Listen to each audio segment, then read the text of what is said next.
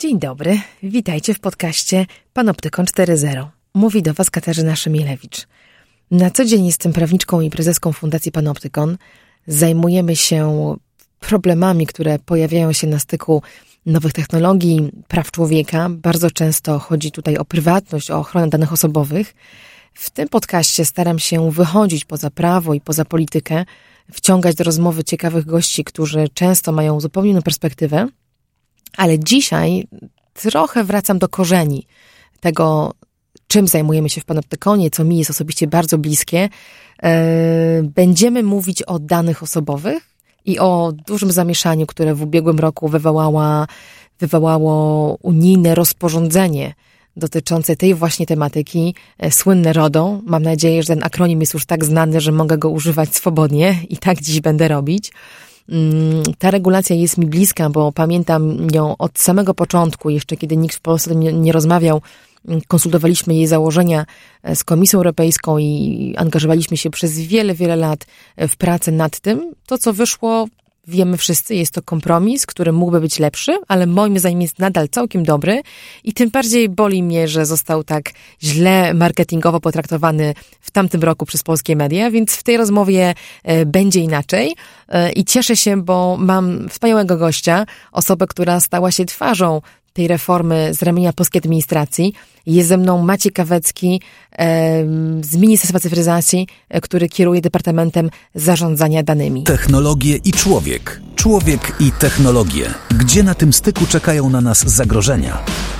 Jak korzystać z technologii, by na nich skorzystać? Jak kontrolować, kto gromadzi o nas informacje i do czego ich używa? Z ekspertami i praktykami rozmawia Katarzyna Szymielewicz. Panoptykon 4.0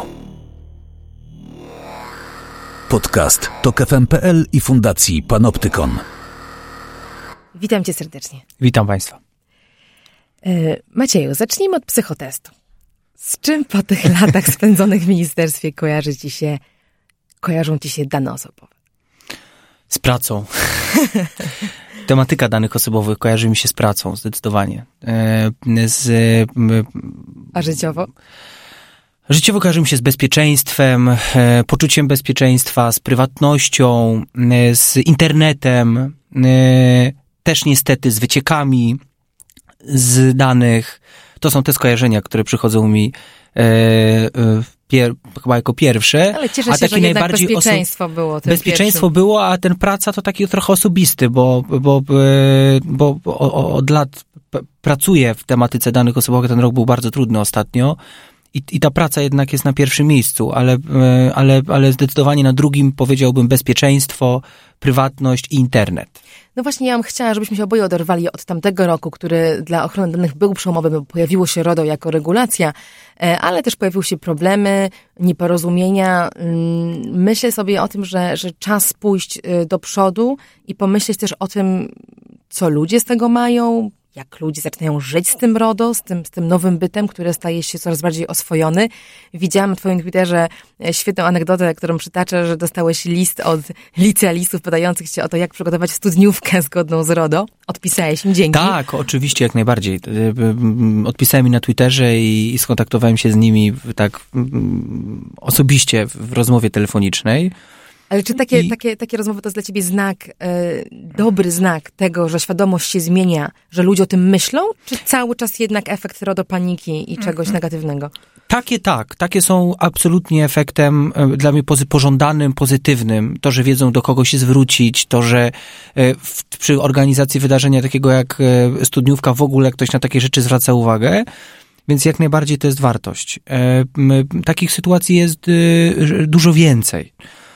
Natomiast obok tego niestety ten rok 2018, no wracamy cały czas niestety mhm. jeszcze, ale e, no to, to, to była też ogromna ilość niezrozumienia tej regulacji. No tak, no to, o, o, o, o to też cię zapytam, ale przyznam, że dla mnie z perspektywy kogoś, kto też w tej aktywnie, w tej sferze aktywnie działa od lat i obserwuje ją pewnie z trochę innej perspektywy, na szczęście dla mnie, To był też rok pierwszych mm, głośnych skarg ludzi na duże firmy i takiego postawienia się konsumentów dużym firmom, co ja postrzegam jako jednak e, istotny przełom. Mamy oczywiście sprawy, które Max Schrems i jego organizacja NOIP, None of Your Business, wnosi przeciwko e, Google'owi, e, Amazonowi, Facebookowi, tym największym. Mamy podobne działania we Francji. Mamy niedawno z, jeszcze z zimy skargi konsumenckie E, na, nakierowane też na, na Google'a i, i, i parę innych firm, które stosują nieuczciwe praktyki pod kątem designu swoich stron i tego, jak wabią ludzi do udzielania zgody, zgody, która tak naprawdę nie jest zgodą, więc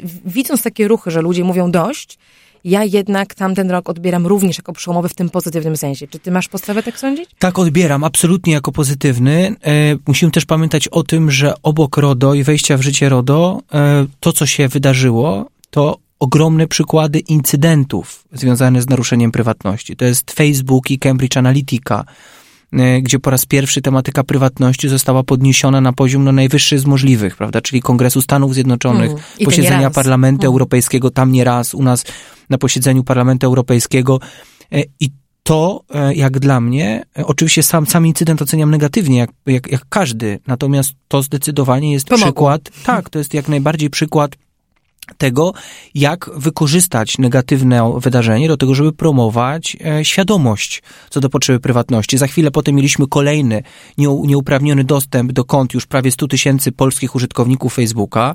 Nowy rok nas otworzyła e, mhm. ogromna mm, afera w Niemczech dotycząca wycieku ogromnej ilości danych prywatnych polityków niemieckich. Więc jak widać, rzeczywiście te regulacje są e, potrzebne. To są sygnały i, świadczące o tym, że sprawa jest pilna i poważna. Że w dobrym momencie regulacja unijna weszła w życie i że trzeba tą tematykę traktować poważnie i rzeczywiście nie porównywać czy to RODO, czy w ogóle regulacji związanych z ochroną prywatności, czy krajowych, czy unijnych, do regulacji e, wprowadzanych jakiś czas temu i dotyczących stopnia zagięcia bananów, bo ostatnio przeczytałem tekst, mhm. który porównuje... No, w których też chodziło o coś innego, ale okej, okay, zostawmy banany, tak rzeczywiście mnie uderza to, jak bardzo świadomość dotycząca prywatności i danych, ich wagi i istoty, gdzie ja widzę, widzę jak ludzie budzą się, niekoniecznie idzie w parze z w Polsce. Szczególnie w Polsce z rozumieniem tego, co to jest RODO. I tu rzeczywiście chciałabym cię zatrzymać i, i, i na chwilę na taką bardziej polityczną refleksję co może wyjaśniać to, że w Polsce, moim zdaniem tylko u nas, tak strasznie odjechało rozumienie RODO jako jakiegoś potwora legislacyjnego, który stwarza problemy zamiast ich rozwiązywać? Rozumiem, że mamy zrecenzować działania swoje i, i ministra cyfryzacji. E, co, co, jest zawsze e, e, subiektywne, ale, ale postaram się. To znaczy, na pewno ja przynajmniej z mojej perspektywy nie dostrzegałbym przyczyny w małej liczbie naszych działań, czyli w, ma, w za małej liczbie naszych działań Sądzisz, jako Ministerstwo że Cyfryzacji. zrobił to, co było, tak, co ja uważam, należało. że to, co, e, że zrobiliśmy absolutnie to, co do nas należało. Ja nawet mogę odważniej powiedzieć, że uważam, że w tym okresie zrobiliśmy dużo więcej niż należało do nas, biorąc pod uwagę na ustrój systemu i, i, i podział ról e, pomiędzy organami administracji publicznej. E, e, też pamiętam, Coś, czego Państwo oczywiście nie widzą, bo nie, musia, nie muszą widzieć, nie musieli widzieć, czyli jak często, jak, jak dużo wcześniej chcieliśmy zainteresować tematyką RODO, na przykład media, i jak ciężko było nam. No wiem, pan rok... Optykon też próbował dwa lata temu, rok temu i było bardzo ciężko. No właśnie, jak ciężko jest zainteresować regulacją, która dopóki nie, nie ma. dopóki nie ma i która wejdzie w życie za dwa lata, za trzy lata, za rok, a wtedy był czas na takie racjonalne nie, no jest... podejście do tematu. Te, te, te, te, oczywiście można było na pewno zrobić jeszcze więcej, bo zawsze można zrobić więcej. Był pewien moment, kiedy ta, ten, ta praca legislacyjna, ten, ten zakres prac legislacyjnych był tak ogromny, każdy zespół ma ograniczone zasoby, że o, oczywiście ogromny nacisk położyliśmy na pracę legislacyjną, na to, żeby ustawa na przykład weszła w życie 25 maja, ale poradniki, live streamingi, też przeze mnie robione, ale nie tylko, jakieś akcje na YouTubie, tyle, ile wydawało nam się wtedy, e, że jest to konieczny dzień otwarty, w którym zresztą też Fundacja Panoptikon w Ministerstwie Cyfryzacji brała udział, e, organizowany przez ministra cyfryzacji, a nie przez inny urząd czy organ. E, to były takie reakcje, które wydawały nam się, one przeciwdziałają temu, bo my No i zdiagnozowaliśmy nadal, ryzyko. nadal patrząc I na nadal- wyniki wyszukiwań, choćby wyszukiwarki Google'a, one są publicznie znane. Ludzie najbardziej szukani, co to jest RODO i co to w ogóle jest po fakcie, tak? Znowu, tak samo jak przy Brexicie, moment, w którym e, Wielka Brytania wychodzi z Unii Europejskiej, to jest moment, kiedy ludzie pytają, co to jest Unia Europejska. I z RODO e, było podobnie, mimo że ja też mam poczucie, że jako aktywny gracz w tej grze robiliśmy bardzo dużo, żeby tą świadomość zmieniać wcześniej. Chociaż Więc tutaj- raczej media, tak? Chociaż tutaj muszę powiedzieć, że my mamy, my organizujemy w, w Ministerstwie Cyfryzacji takie lekcje programowania dla dzieciaków. I tam przychodzą dzieci 7, 13, 7, 12, tych młodszych jest więcej. I z- zaczynamy je czasami od takiej pogadanki, rozmowy na temat prywatności w sieci. Nie wiem, o, o, rozmawiamy o tych komunikatorach najbardziej znanych, jak co można udostępniać, co, nad czym musimy uważać, jako, jako, powinni uważać jako dzieci. I to, co jest ważne, to jak ja pytam te dzieciaki, co to jest RODO, e, to nie wiem, co jest przyczyną takiej Mhm. świadomości, ale to jest akurat bardzo dobry wyraz, to każdy wie. Naprawdę? Każdy wie, nie zdarzyło mi się, żeby żadna z tych grup, przynajmniej większość tych dzieciaków nie podniosła ręki. One się urywają, same rwą do odpowiedzi, żeby mówiąc, że a to są dane osobiste, a to jest prywatne, potrafią zestawić problem z mm, systematyką RODO. I to jest jakby e, plus. A to, że rzeczywiście w Polsce Czyli Em. mamy trochę filozofię, byleby mówili nieważne jak, tak, ale Nie, nie chcę, myślę, że y, nie chcę tak wybrzmieć, ale myślę, że do, do teraz se- sens jest dopatrywać się dobry, do, do dobrych stron tego, co się działo. Myślę, że sensem tych absurdów e, pozytywnym było to, że świadome, znaczy, że temat był rzeczywiście podniesiony na wysoki poziom i dzięki temu ta tematyka jest znana, ale teraz moim zdaniem bardzo długi okres czasu pracy nad tym, żeby e, e, ta tematyka była traktowana poważnie, bo niestety No tak, nie sprowadzana do absurdu i do czegoś, Nie czego można się do absurdu. śmiać, bo tutaj naprawdę jest wiele poważnych zagadnień, zresztą takich poważnych w tym sensie, że one ważą w życiu człowieka, że można moim zdaniem ulepszyć swoje życie dzięki temu, co ta regulacja wnosi. No w Panoptykonie mm, my się bardzo zmagaliśmy z tym negatywnym PR-em rozporządzenia, za które czujemy się współodpowiedzialni, bo od lat pracowaliśmy nad tym, żeby ono powstało. I ten kompromis, który powstał, uważamy, że jest całkiem, całkiem niegłupi.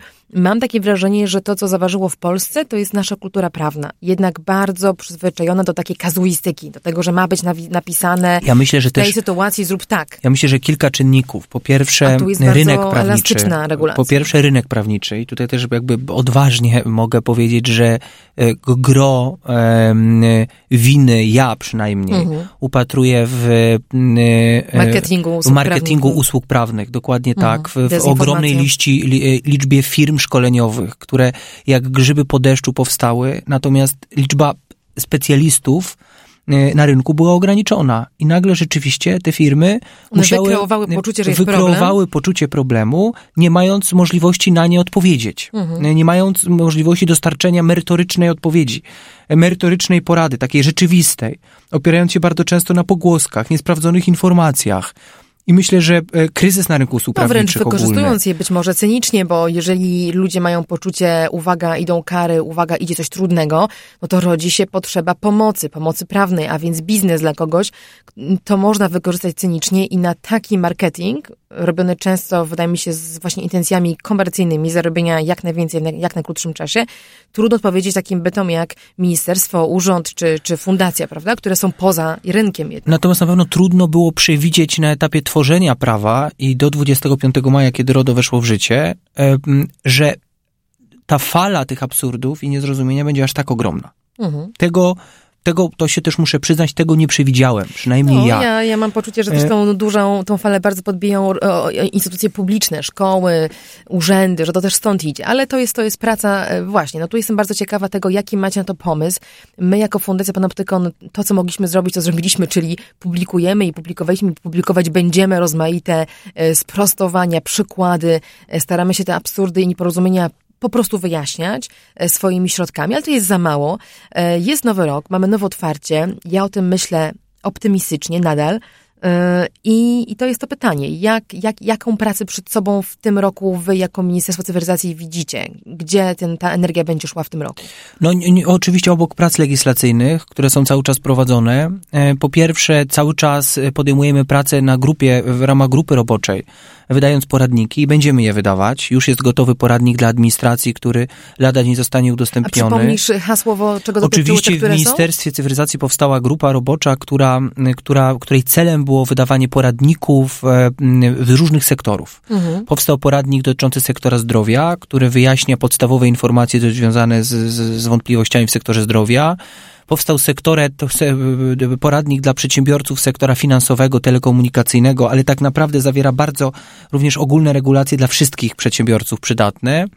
E, skończyliśmy pracę nad poradnikiem dla administracji publicznej, który o, odpowiada na najbardziej, który odpowiada na najtrudniejsze pytania z naszej też perspektywy, bo my oprócz tego, że byliśmy tym, który wdrażał RODO w Polsce, byliśmy tym, który był kontrolowany przez Urząd Ochrony Danych Osobowych, byliśmy tym, który również wdraża RODO w, w naszej organizacji, readministrujemy rejestrami państwowymi. Ma, macie sporo Więc mamy wiedzy, doświadczenia, które przelaliśmy w ten dokument po prostu.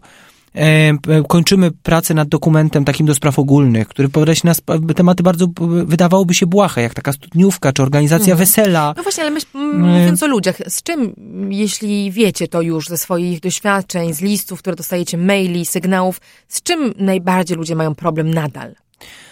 E, nadal mamy, mają e, problem z już dużo bardziej szczegółowymi problem, tematami. Monitoring wizyjny na przykład. Bardzo mhm. dużo pytań dotyczy monitoringu wizyjnego. E, bardzo dużo pytań do nas kierowanych dotyczy takich konkretnych e, etapów. E, w określonym części roku mamy dużo pytań dotyczących sytuacji, które w danej sytuacji, w danym okresie występują. Przykład Bożego Narodzenia to jest okres promocji świątecznych. I było ogrom pytań, Myślałam, które my... że o Mikołaja. Nie, ogrom pytań dotyczących danych stron nieprawdziwych, fejkowych stron, czy to w bankowości elektronicznej, czy to w sklepach internetowych, które korzystają z tego, tego, że w okresie świątecznym przygotowujemy się do świąt, że robimy dużo zakupów w internecie i wyzyskują po prostu adresy mailowe. Mhm. Więc takie okresowe sytuacje, jak mamy do czynienia z y, y, y, okresem Mikołaja, no to były pytania o te kartki akurat wywołały się świąteczne, czy można je wywieszać w miejscach publicznych, akurat wywołane reakcją Bawarskiego Urzędu Ochrony Danych Osobowych, który, który rzeczywiście dość niefortunnie uznał, że takie działanie jest niezgodne z, z, z RODO. E, no i tutaj musiała Komisja Europejska, to się bardzo rzadko zdarza, żeby Komisja, bardzo rzadko zdarza, żeby Komisja Europejska się wypowiadała na ten, trochę w kierunku wykładni prawa i udzieliła odpowiedzi tutaj, że absolutnie choinka na środku jednego z bawarskich miast może z kartkami świątecznymi dzieciaków, którzy sami je tam wieszają, wisieć. W każdym bądź razie, to są, czyli te pierwsze, pierwsze działania, to są działania E, związane z edukacją. E, e, to, co teraz mogę ujawnić, to to, że pracujemy nad powołaniem nowego organu, nowej rady, już bardziej formalnie, zarządzeniem ministra, która wypowie się, będzie, będzie zajmowała się tematami jednymi z najbardziej kontrowersyjnych w obszarze ochrony danych osobowych, mhm. zapraszając bardzo szerokie spektrum dyskusyjne, z, nie tylko ze sfery administracji publicznej, i mam nadzieję, że niebawem ujawnimy tą informację. Organizujemy obchody Dnia Ochrony Danych Osobowych 28 E, e, stycznia. E, na konferencji trochę będziemy chcieli powiedzieć o tym, co zrobiliśmy i co w Ministerstwie Cyfryzacji mamy zamiar jeszcze zrobić. Okay, czyli jednak format konferencji, a nie pikniku. Nie, ani... format konferencji, tak. Zdecydowanie format konferencji, ale otwartej, dla bardziej otwartej niż, niż taka zamknięta i nie, nie, nie w formacie konferencji hmm. prasowej do końca. Szczerze mówiąc, mam wrażenie, że, że w tej naszej bańce technologiczno-prawnej łatwo popaść w właśnie formaty, które dla ludzi są trudne, formaty eksperckie. To jest, to jest to, w czym, w czym się czujemy swobodnie, a y, moja refleksja w oparciu o tamten rok jest jednak taka, że za mało, za mało, za mało dzieje się rzeczy, które są dla ludzi łatwo konsumowalne i zrozumiałe, e, więc tutaj no, nawet takie proste pytanie. Dobrze, jestem człowiekiem, mam, nie wiem, dziecko w szkole albo, albo w pracy, e, zaskakuje mi ktoś jakimś dziwnym zaleceniem, czego nie wolno mi robić, bo RODO, E, no i co? I, I gdzie ja najkrócej, najszybciej mogę uzyskać w tym momencie pomoc? Jaka byłaby twoja rada? E, moja rada byłaby e, oczywiście Urząd Ochrony Danych Osobowych, bo to jest ten organ właściwy, więc mhm. kieruję. Tam Natomiast taki, tam, tam, jest tryb ja nie znam. No nie ma, to znaczy no nie ma. To znaczy no jest infolinia, ale wiem, że, że, że nie jest to najłatwiejsza forma kontaktu, że jest na tyle można. Jest duże numer... zainteresowanie, ale jest tak, jest mhm. numer, można spróbować dzwonić, na pewno jeżeli będziemy próbowali wielokrotnie, ze względu na duże zainteresowanie, to w końcu się dodzwonimy. Znam naszą RODO bazę wiedzy na naszej stronie Ministerstwa Cyfryzacji, więc zawsze do niej kieruję. Tam są, Czyli można wejść i wpisać Można wejść, wpisać pytanie, są, e, są tam skondensowane w jednym miejscu zarówno linki z YouTube'a e, z naszymi filmami edukacyjnymi, jak i poradniki do tej pory wydane, jak i live streamingi, gdzie przez, jak mamy jakiegoś, kogoś, kogo to, ta tematyka akurat interesuje, gdzie przez na przykład dwie godziny odpowiadamy na pytania internautów, które się pojawiały w, w trakcie live'a. E, I tam jest ogromna ilość pytań, na które odpowiadamy. Ale dostałem, że tutaj pytałaś mnie jeszcze o Brexit. Nie no, o Brexit, to, to tylko o pytania. Mm, tak. E, co, czy, co, czego dotyczy coraz więcej pytań? Brexit. I jak ktoś mnie pytał o działania ministra cyfryzacji na najbliższy czas, to myślę, że już jest czas na to, hmm. żeby mówić o Brexicie. O, o bezumownym Brexicie. To znaczy myślę, że to już jest pomału czas, żeby przygotowywać przedsiębiorców i Czyli pracujemy nad wersja. i pracujemy nad poradnikiem dla, przedsiębior dla przedsiębiorców, y, który też lada chwila wydamy.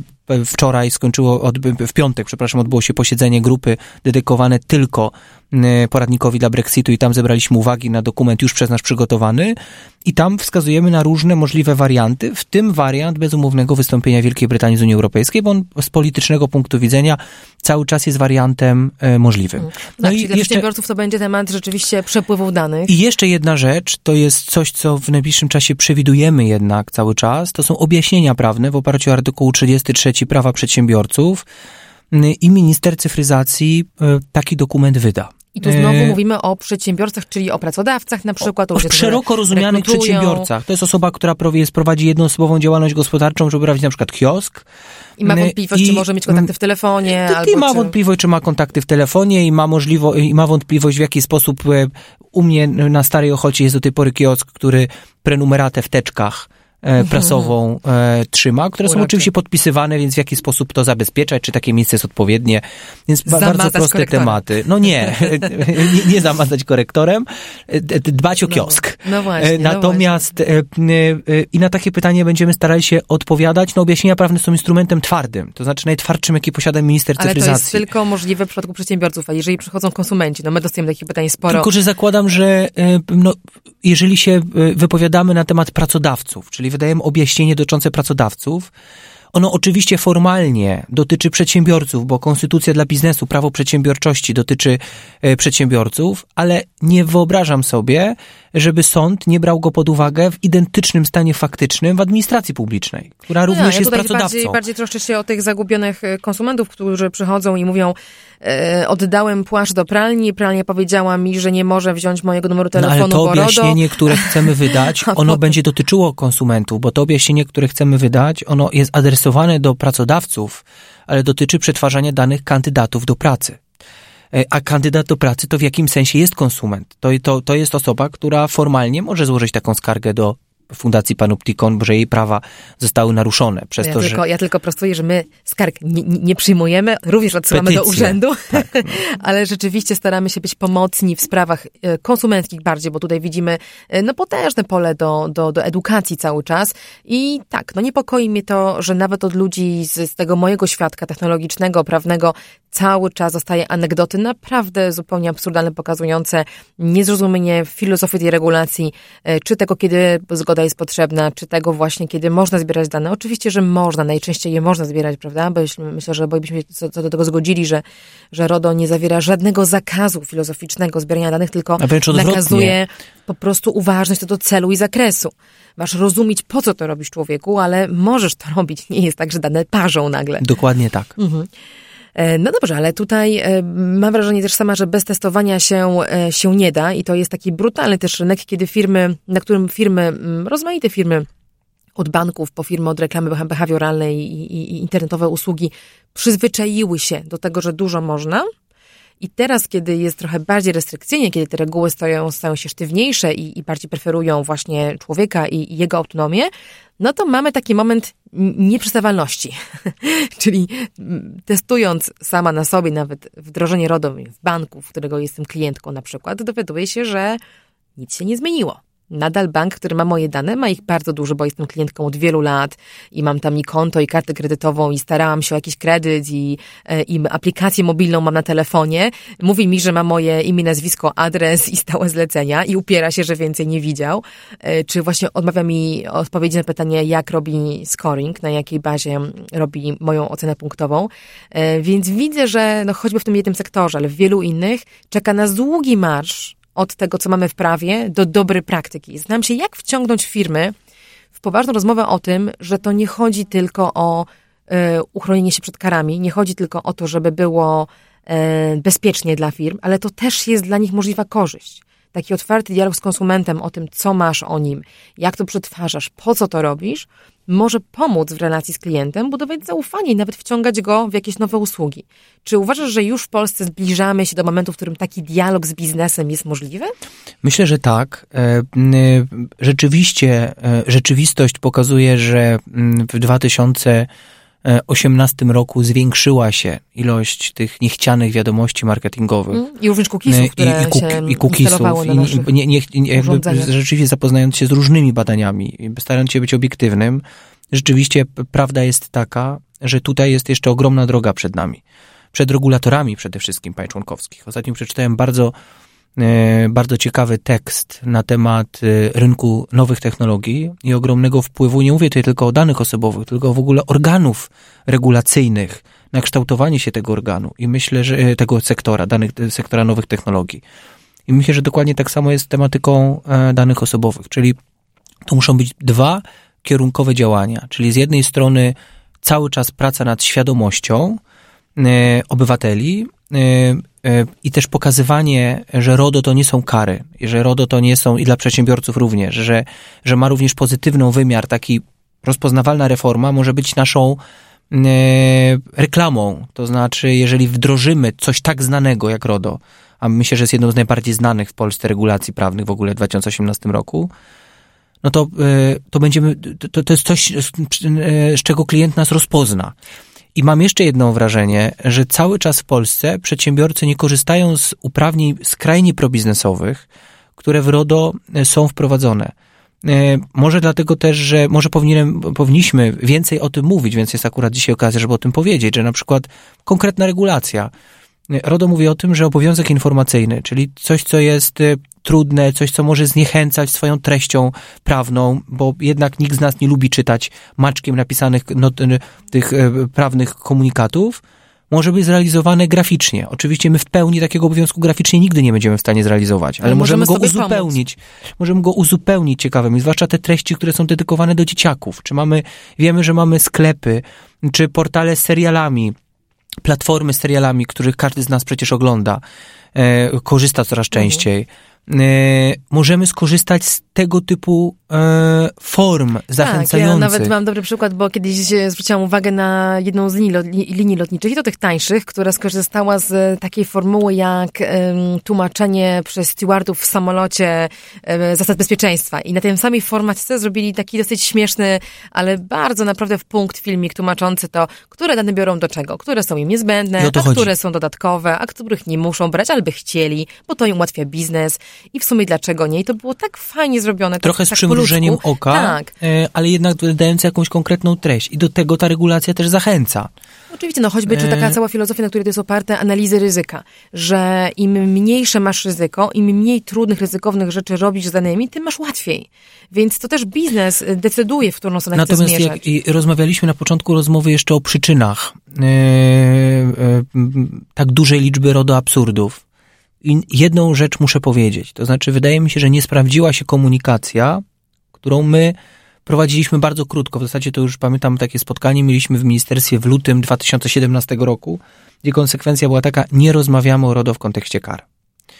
E, mhm. Wydaje mi się, że komunikacja również ze strony organów unijnych y, dotycząca komunikowania RODO od strony kar się nie sprawdziła, a przynajmniej nie sprawdziła się w Polsce że nie komunikuje reform od strony odpowiedzialności, bo osiągamy zupełnie odwrotny skutek. Jasne. Strachu, lęku, obawy, a w Mhm. ogóle nie o to chodzi Tak, w prawie. i usztywnienia i takiego e, skoncentrowania się na zabezpieczeniu się. Stąd być może różne skoncentrowania się na tym, co jest zgody. na końcu, bo kara to jest coś absolutnie ostatniego, czyli kiedy nie zrobimy absolutnie nic, nie wdrożymy, Mhm. nie zastosujemy się do ostrzeżeń, upomnień, to jest na końcu. A nie o to chodzi w regulacji prawnej, żeby karać, tylko chodzi o to, żeby pokazać, Mhm. jak postępować, ma być kierunkowskazem w jakiś sposób. No jasne, a kto boi się kary, zacznie robić rozmaite zabezpieczenia e, na wszelki wypadek i wprowadzać czasami absurdalne, głupie procedury, żeby tylko nikt go e, nie dotknął. No ale właśnie, chodźmy w stronę tego, co, co dynamiczne, elastyczne, ryzykowne, o czym wiem, że rozmawiacie w ministerstwie w tym roku, będziecie rozmawiać coraz więcej, czyli e, sztuczna inteligencja, e, algorytmy, profilowanie, ten front, na którym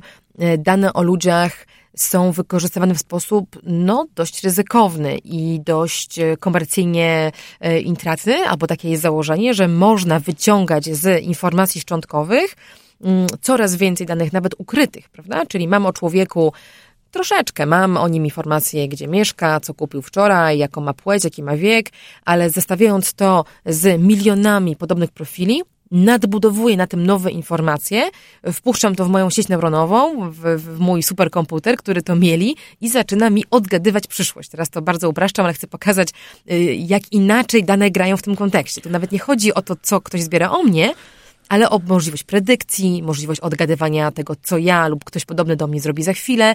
Jak coś takiego, taką rzeczywistość technologiczną przymierzyć do naszego poczciwego RODO? Czy to się w ogóle spotyka? Oczywiście, że się spotyka. e, Nie bez przyczyny w Ministerstwie Cyfryzacji, jakby decyzją e, ministra cyfryzacji było włączenie tematyki nowych technologii, takich jak rejestry rozproszone, sztuczna inteligencja, internet rzeczy, czyli tych innowacyjnych, czy szeroko rozumianych innowacji, do jakby kierowanego przeze mnie Departamentu Zarządzania Danymi. Właśnie po to, żeby te dwa tematy podążały ze sobą równi. I teraz na czym polega największa trudność? Nie możemy patrzeć na sztuczną inteligencję od, wyłącznie od strony ryzyk. E, idealny stan byłby taki, gdyby udało nam się doprowadzić do sytuacji rozwoju sztucznej inteligencji przy jednoczesnym ochronie prywatności. Oczywiście to oznacza na pewnym etapie powiedzenia stop, powiedzenia pewnym rozwiązaniom Albo stop pójścia wolniej. albo wprowadzenia mechanizmów certyfikacji, albo pójścia wolniej, albo pójścia w innym kierunku. Ale na pewno y, y, ostatnią rzeczą, za jaką ja bym się opowiedział, to jest y, y, ograniczenie rozwoju sztucznej inteligencji ze względu na prywatność, czy O, ze względu na cokolwiek nawet innego. gdybyście powiedzieli coś innego, to nie macie takiej władzy w ministerstwie. Bo nie mamy takiej władzy, ponieważ to jest rynek nur. Robi, Oczywiście. Robi to obok. Zresztą nie tylko my, to znaczy to jest kierunek rozwoju w ogóle. Mówi się, że rok 2019 to jest, y, moglibyśmy, moglibyśmy nie zajmować się tym tematem, prawda? Uznać, że to jest tak ryzykowne, że się po prostu tym my ze strony Administracji Cyfryzacji nie zajmujemy. Ale uważam, że to, jest, jak to byłoby bardzo złe rozwiązanie. Y, Natomiast w, w, przygotowujemy raport związany ze sztuczną inteligencją. Y, w- Zresztą taki dokument już został przygotowany. Teraz kończymy raport dotyczący internetu rzeczy. Jedną z barier, Internet która- rzeczy, czyli Czyli urządzenia innowacyjne urządzenia, czyli sieć, które- budzik, tak, czyli budzik, który nas budzi wcześniej ze względu na to, że są korki na mieście, a w związku z tym, że są korki, to musimy wstać wcześniej, żeby zdążyć, zdążyć, zdążyć dojechać do miasta. Czyli, Budzik, który myśli. czyli zestawia informację, którą my wprowadziliśmy do budzika o woli wstania, na przykład o godzinie 7 rano, z korkami na mieście, z adresem naszego zamieszkania, e, z naszego, naszej pracy i adresem zamieszkania i przekazuje nam informację wstawaj. To jest internet e, rzeczy. Oczywiście my zachęcamy, patrzymy na internet rzeczy trochę bardziej wysokopoziomowo, czyli chcemy zachęcać polskie miasta do innowacji, do inteligentnych latarni, do, są takie rozwiązania, które z prywatnością nie mają nic wspólnego, jak na przykład inteligentne oświetlenie, ale bo są już reagują na takie. dane o, o tym, co nieosobowe. się tak, w mieście, Natomiast nie są, e, tak, ale są takie rozwiązania, które mają ogromny wpływ na e, zmniejszenie zanieczyszczeń, czyli, Czyli to na co... zarządzanie ruchem drogowym, gdzie E, już tak. człowiek i jego samochód są Dokładnie. kluczowym graczem. Tak, tego. dlatego, bo możemy sobie wyobrazić aplikację mobilną, która mu informuje nas o tym, które miejsca parkingowe są na danej ulicy wolne i my rzeczywiście widzimy ulicę Marszałkowską całą czerwoną, więc nie wybieramy samochodu, tylko rower, hulajnogę, albo piechotę, albo transport publiczny. Same plusy i dla naszego zdrowia, jeżeli wybieramy rower albo piechotę, e, plusy dla ruchu ulicznego, ale jeżeli chodzi o prywatność, no pewne wyzwanie, bo e, taki, taki urząd musi w taki sposób tą aplikację skonstruować, żeby nie zbierać informacji o aktywności życiowej mieszkańców. No zawsze tutaj jest problem, ja widzę dwa główne na, na tle akurat tego, jak działa, e, działają sieci, neuronowe i te wszystkie uczące się systemy, to jest postawienie ogranicznika, które informacje są zbędne, bardzo trudne, bo często słyszymy od inżynierów, że nie wiadomo, no bo może się okazać, że to jakim tempem ja idę e, i którędy idę, jak skręcam i, i czy wtedy dzwonię, czy, czy nie dzwonię, wpływa jakoś na inne parametry. Jeżeli mówimy o na przykład, no nie wiem, analizie mojego poruszania się jako człowieka w mieście, może to mieć znaczenie, mm, więc ciężko jest postawić tą granicę. Ona jest kluczowa, w RODO również, prawda? Czyli niezbędność, zbieramy tylko to, czego potrzebujemy, a nie dane na wszelki wypadek. E, no i cel. Czy, czy mamy tutaj jakąś taką kontrolkę, która się zapala i mówi, hej, no możesz wykorzystać te dane o człowieku w celu, który on autoryzował, tudzież miasto autoryzowało, ale już nie możesz e, zrobić z tym czegoś innego. Nie możesz z danych o samochodach i ludziach w mieście, które potrzebuje miasto... Zrobić marketingowe informacje. Zrobić marketingowe informacje, gdzie aż się prosi o to, bo jest to bardzo cenna informacja marketingowa, tak. jak oni się poruszają. Więc te dwa zabezpieczenia będą, myślę, kluczowe. A trzecie, które ja zawsze mm, podkreślam w kontekście konsumentów i, i nas wszystkich, e, to jest prawo do wyjaśnienia i rozliczalność decyzji które te systemy podejmują, bo ewidentnie one ewoluują w, taką stronę, że zaczynają również decydować. To nie są tylko systemy, które analizują dane, duże dane o ludziach, o zjawiskach, uczą się tych zjawisk i przewidują je. To nie, nie tu się kończy rola e, tych systemów, one idą zwykle krok dalej, tak? czyli dają rekomendacje. Zrób tak E, otwórz te drzwi, zamknij tam tą bramę, daj temu kredyt, temu odmów, wyświetl temu taką reklamę, tamtemu inną. To są na koniec decyzje oparte o analizę rzeczywistości takiej, a nie innej.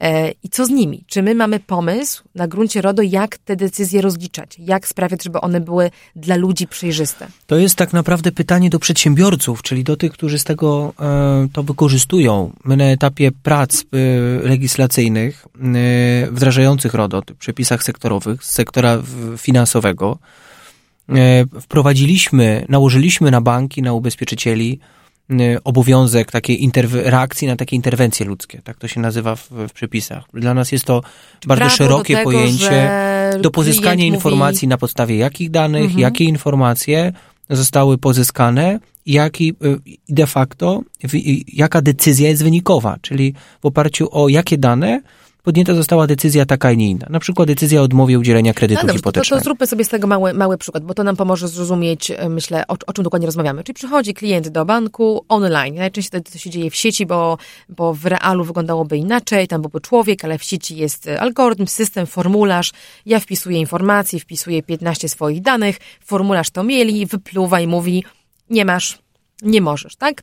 E, czerwona, nie mogę tam wejść co ja wtedy robię? Mówię, pukam do tego banku drugi raz i mówię, słuchaj, drogi banku, chcę to zrozumieć. Chcę, żebyś mi wyjaśnił. Co wtedy się powinno wydarzyć w takim idealnym scenariuszu? Bank powinien mm, niezwłocznie przekazać e, takiej osobie informacje o tym, na podstawie jakich informacji, e, jakich kategorii informacji Dajmy informacja o miejscu zamieszkania, informacja o wynagrodzeniu, która została udostępniona Konkretne we wniosku. Dane. Tak, czasami to są kategorie, czasami to są kategorie danych, prawda? Na przykład informacja o wynagrodzeniu, no, no to to jest kategoria informacji. Czy bank mówi, bo my wiemy, jakie mieliśmy ile zarabiasz i wyszło mi, tak. że zarabiasz I, za mało. Tak, w oparciu jest... o kondycję finansową twoją, tak. I wyszło mi, że zarabiasz za mało. Jeżeli to było rzeczywiście jedyna kategoria informacji, mhm. która została wzięta pod uwagę i bank powinien taką informację A jeśli przekazać. analizował to, jak ja sobie chodzę po sieci, na co klikałam wczoraj e, i jakie mam w zachowania, mojej ocenie również powinna być, powiedzieć. W mojej ocenie absolutnie taka informacja również powinna być przekazana. A to, że rzeczywiście czasami zakres tej informacji jest tak bardzo duży, że jest to bardzo trudne do zrobienia, no to to już jest jakby prawo nie może udzielać odpowiedzi na tak ogromną ilość pytań, bo wtedy ono się za chwilkę dezaktualizuje. To jest pole do mm, interpretacji podejmowanej przez sądy, przez Urząd Ochrony Danych Osobowych, przez najpierw na pierwszym etapie, żeby sprawa trafiła do regulatorów, przez banki oczywiście, mhm. a potem na dalszych etapach przez organy, które egzekwują w Polsce ochronę prywatności. No tutaj... Intencja w każdym razie była taka, bardzo silnie proobywatelska, czyli przyznanie yy, yy, obywatelom uprawnienia do konkretnych działań. Nasze pakiety, nasz pakiet jest silnie e, probiznesowy i, i te, te zmiany, które wprowadzamy, mają charakter probiznesowy, ale znajdują się w nich również zmiany proobywatelskie. I to jest taki przykład takiej zmiany. Ja mam obawę, że niestety to, jak te przepisy są napisane, e, zostawia takie duże pole do interpretacji, choćby właśnie dla banków, o których e, chwilkę temu mówiliśmy, że to wyjaśnienie może mieć bardzo ogólny, wymijający charakter. Ale zobaczymy.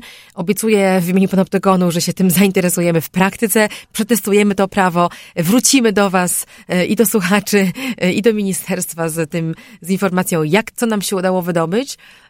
To jest zresztą taka, takie nasze życzenie, które składaliśmy mm, naszym odbiorcom, czytelnikom w Panoptykonie, żeby w tym roku jak najczęściej e, korzystali ze swoich praw, jak najczęściej testowali e, te możliwości, które RODO daje, bo myślę, że nie ma innej drogi. Nie ma innej drogi do tego, żeby oswoić tę regulację i też, żeby przyciskać, inspirować, namawiać firmy do zmiany praktyk, pokazywać też tym progresywnym, fajnym firmom, że tu jest przewaga konkurencyjna do wygrania pokazywanie wartości marketingowej, biznesowej takiej regulacji. To znaczy, że przez pryzmat rozpoznawalności i przez pryzmat, y, no trochę też, no, musimy też pamiętać o tym, kiedy my dostrzegamy wartość RODO, kiedy my staniemy się ofiarą Zawsze, kiedy my się to staniemy ofiarą późno, jakiegoś wycieku, wtedy jest trochę za późno. No, do, dokładnie zmierzam do tego, że, że, że, że, że trochę za późno. Dobrze, to nie czekajmy, korzystajmy z tych praw, które mamy. A ja oczywiście zapraszam do śledzenia naszych działań jako, jako Ministerstwa Cyfryzacji. Staramy się yy, naprawdę przykładać do tej tematyki ochrony danych yy, ogromne, yy, ogromne znaczenie. I dementować absurdy, zanim się staną I dementować absurdy, ich jest coraz mniej. Więc jest coraz mniej do dementowania, ale te poradniki, które wydajemy, one służy, mają służyć między innymi dementowaniu absurdów. Dobrze, oby był to rok... Owocny w małą liczbę RODO absurdów powiedziałabym, więcej owocny w liczbę pozytywnych zmian, które RODO wprowadzi do, do naszego codziennego życia i do życia firm, z których usług chętnie będziemy korzystać, jeżeli będą zgodne e, z tą filozofią. Bardzo Ci dziękuję, Macieju. E, do zobaczenia, do usłyszenia. Bardzo dziękuję e, Państwu. Mówiła Katarzyna Szymielewicz. Zostańcie z nami. Czekamy jak zwykle na Wasze uwagi, przemyślenia, komentarze do tego, co mogłoby się znaleźć w podcastach, czego Wam brakuje, co Wam się podoba. Jeżeli macie konkretne pytanie, to również mm, zapraszam do, do ich zadawania i komentowania. Dzięki, do usłyszenia. Technologie i człowiek. Człowiek i technologie. Gdzie na tym styku czekają na nas zagrożenia?